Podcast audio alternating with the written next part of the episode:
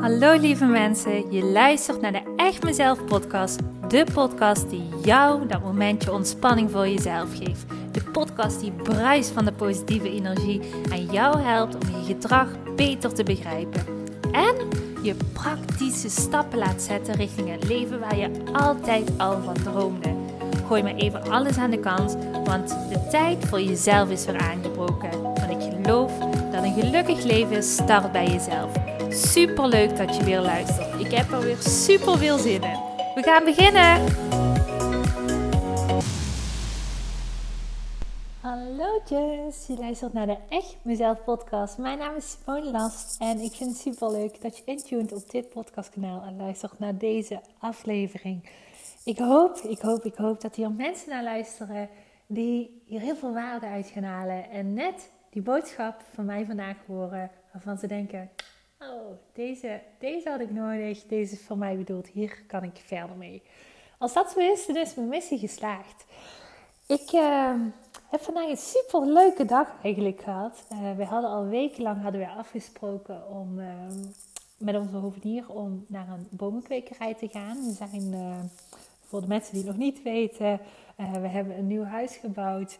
we zijn bezig met het aanplanten van onze tuin. En ehm, nou ja, goed, het was nogal technisch een beetje moeilijk om wat ruimte te vinden van mijn werkagenda en Glenn's werkagenda. Om uiteindelijk toch door de week uh, lekker een ochtend naar zo'n boomkeukerij te gaan. Maar vandaag zijn we dan toch geweest. En uh, het was echt zo'n toffe ervaring, moet ik zeggen. Um, echt gewoon uh, een super mooi bedrijf kwamen we aan. En daar stonden 500 hectare aan gekweekte bomen. Dus er was echt super veel keuze. Um, en vervolgens gingen we rondrijden met een busje om ja, bepaalde boomsoorten die wij mooi dachten te vinden, uh, te gaan bekijken. Dus dat was echt heel tof. Ik zeg al tegen Glenn, het lijkt alsof we gewoon zo'n dagje naar de Efteling zijn geweest of zo. Het was gewoon heel erg leuk. Dus uh, ik word altijd heel erg blij van uh, in de natuur zijn, merk ik. Dus ja, gewoon heel tof. Uiteindelijk, we hebben hele toffe bomen gevonden. Eén boom voor in de voortuin en waarschijnlijk ook nog een boom voor in de achtertuin. Maar dat was eigenlijk helemaal niet gepland. En uh, nou ja, goed, dus een vrij grote boom. Dus we moeten even kijken van, gaat dat lukken? Gaan we die überhaupt in onze tuin geplant krijgen en zo? Dus uh, dat is nogal een dingetje. Maar uh, ja, het was wel heel grappig van Glenn en ik gingen op hetzelfde moment helemaal aan van uh, het zien van een treurwilg. Ach, altijd mijn droom geweest. en ik vond het wel heel grappig dat Glenn ook heel enthousiast werd. Terwijl we het helemaal nooit hebben gehad over het hebben van het treurwilg in onze tuin. Dus uh, we moesten wel erg lachen. En ik dacht, oh wat grappig is dat weer. Hè? Dat je eigenlijk als kind heb ik altijd gedacht, oh ik wil een treurwilg in mijn tuin. Maar eigenlijk nooit uitgesproken. En uh, nou ja, dan komt het toch uit. Dan komt het toch uit uiteindelijk. Over manifestatiekracht gesproken. Maar goed, zal je niet zo heel veel interesseren waarschijnlijk wat ik uh, vanochtend heb gedaan. Vanmiddag heb ik weer lekker gewerkt met mijn lieve klanten en dat was weer heerlijk. Dat was weer heerlijk als vanuit. Ik ben... Uh, ik zit weer even in zo'n fase waarin ik zo enorm ben het genieten van alle toffe mensen waar ik ja, dagelijks gewoon mee mag werken. En dat elke keer wel denk op het moment dat we aan de tafel zitten of als, ze op de bank zitten. Want ik heb verschillende zitplekjes waar mensen altijd mogen kiezen van goh, dit vind ik fijn om te zitten of dit vind ik niet fijn om te zitten. Dus ik vind het vooral heel belangrijk dat mensen zich lekker op hun gemak voelen op het moment dat ze bij mij komen. Uh, dus vandaar ook verschillende opties om te kunnen zitten, zodat mensen gewoon ook kunnen kijken van ja, wat past bij mij, wat, uh, wat voelt fijn.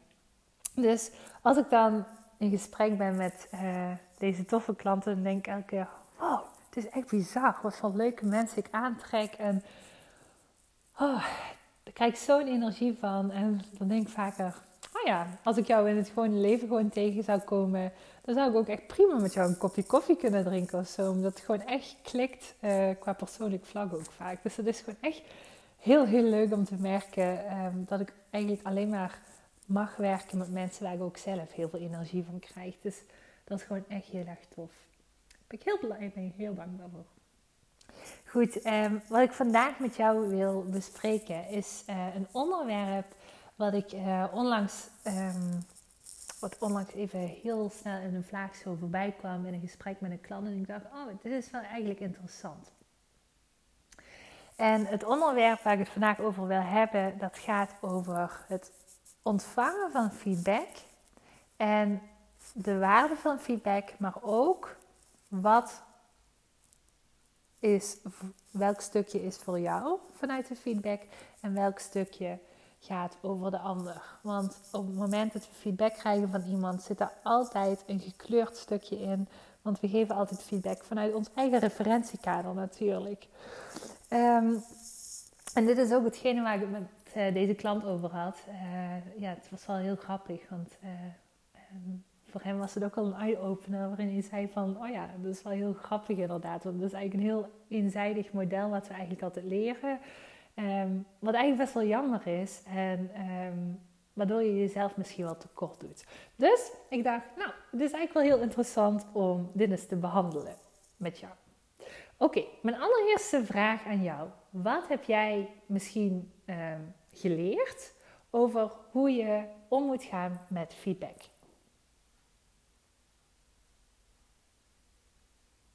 Goed. Zeker tegenwoordig is het zo, als we kijken naar hoe de opleidingen tegenwoordig zijn ingedeeld, dan zit er een groot gedeelte van de meeste opleidingen, dan zit een stukje ontvangen van feedback, uh, reflecties kunnen maken over jezelf, zit daarin geïntegreerd. En dat is iets wat ik echt super goed vind. Wat dat betekent um, dat we veel meer leren om stil te staan bij onszelf en te kijken van, oh ja, wat, wat vertelt dit over mij? Uh, en hoewel ik dit super goed vind, vind ik het model wat we leren eigenlijk onvolledig. Want we leren eigenlijk op school vooral op het moment dat je feedback krijgt, dan moet je kijken um, naar jezelf en moet je kijken wat je kunt veranderen. En hoewel dit eerste stuk zeker daar een kern van waarheid in zit, zie ik hier ook meteen een probleem in schuilen. Namelijk op het moment dat we dit als waarheid aannemen, op het moment dat ik feedback krijg, dan moet ik alles uh, veranderen in mezelf. Dan gaan we uh, heel ver van onszelf wegstaan. En dan gaan we zelfs vaak uh, zo'n gesprekken hebben over ik ben het schuld. Of ik neem de schuld op me, of de ander moet de schuld op zich pakken. En ik denk op het moment dat we hierover nadenken of deze gevoelens hebben, dat het eigenlijk uh, dat we vaak ons doel voorbij gaan en dat de feedback eigenlijk een stukje wordt waarin je elke keer jezelf bent af en breken in plaats van dat je bent het leren over jezelf. Dus, dus, dus, dus, ik zag hier een hele grote kans in om deze uh, misvatting de wereld uit te helpen. In ieder geval, dat hoop ik. En vanuit daaruit jou te helpen hoe je feedback zeker op een kritische manier kunnen bekijken. Maar um, ik wil je een toevoeging geven. Want omdat ik het een heel onvolledig model vind, um, merk ik ook dat heel vaak mensen daardoor een beetje in de knoei komen op het moment dat iemand feedback geeft aan hen. En dat is heel logisch, want we hebben geleerd van neem alles op uh, en verander alles in jezelf. En daardoor ja, ga je jezelf voorbij. Goed, hoe moet je het dan wel doen, vraag je misschien nu af. Eigenlijk vrij simpel. Op het moment dat we het hebben over het ontvangen van feedback, dan is het heel belangrijk om te weten dat het een tweeledig model is. Enerzijds, inderdaad, waar ik mee eens ben, op het moment dat iemand feedback geeft, dan kun jij kijken welke leerles zit hierin voor mij. Dit stukje, daar ga ik helemaal in mee. Welk, wat voor leerles zit erin waarin ik misschien mijn koers kan veranderen of waarin ik misschien dingen, hier dingen uit kan leren. Dit is een hele belangrijke.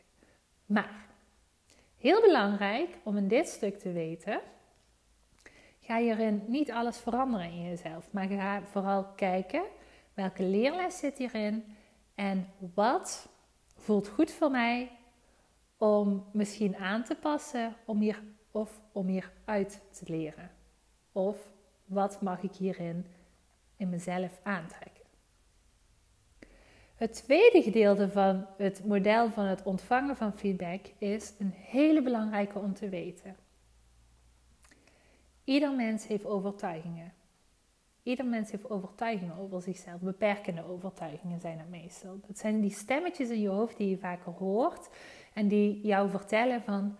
Ehm, bijvoorbeeld, hè, ik ben niet slim genoeg, ik ben niet goed genoeg, ik hoor er niet bij. Ieder mens heeft die.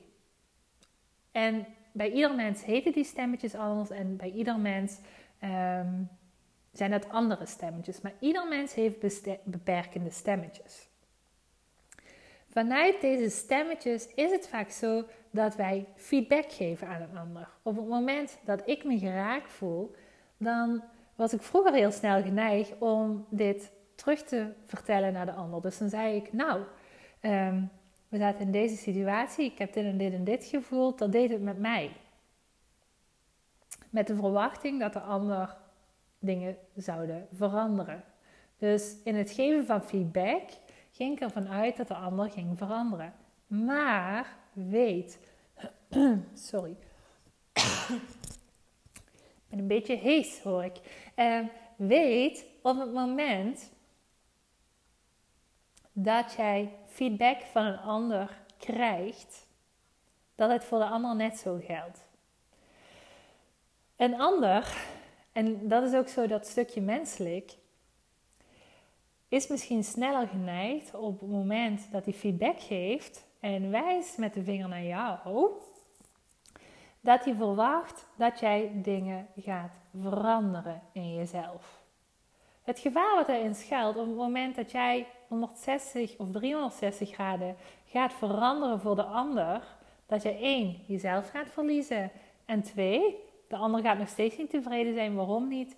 Omdat de feedback altijd een stukje dat hij inschuilt, is de behoefte die niet vervuld wordt voor de ander. En misschien klinkt het allemaal super warrig, maar ik ga even een voorbeeld noemen. Um, bijvoorbeeld, uh, je bent een onderdeel van een vriendinnengroep. En in die vriendinnengroep, um, daarin heeft iemand iets meegemaakt.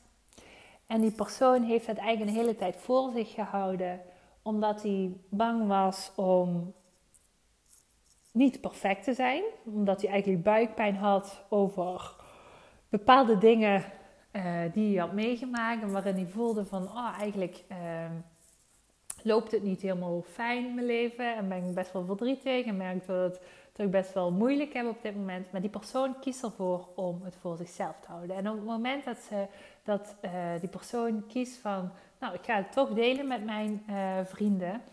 Dan reageert een vriendin um, vanuit feedback. En die vriendin die zegt... Um, Goh, ik vind het wel echt heel jammer dat je zo lang met verdriet rond hebt gelopen en dat niet hebt gedeeld met mij, met ons.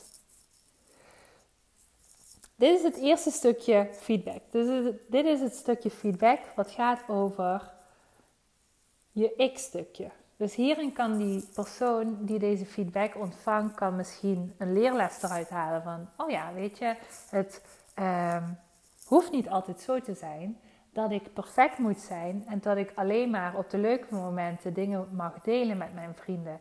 Het is oké om het soms moeilijk te hebben. Het is oké om soms zenuwachtig te zijn of buikpijn te hebben ergens over. En ook in mijn imperfectie mag ik mijn kwetsbaarheid delen met vrienden. Ook dan ben ik oké. Ook dan doe ik ertoe. Dus dat stukje, dat gaat over het opnemen van je ik.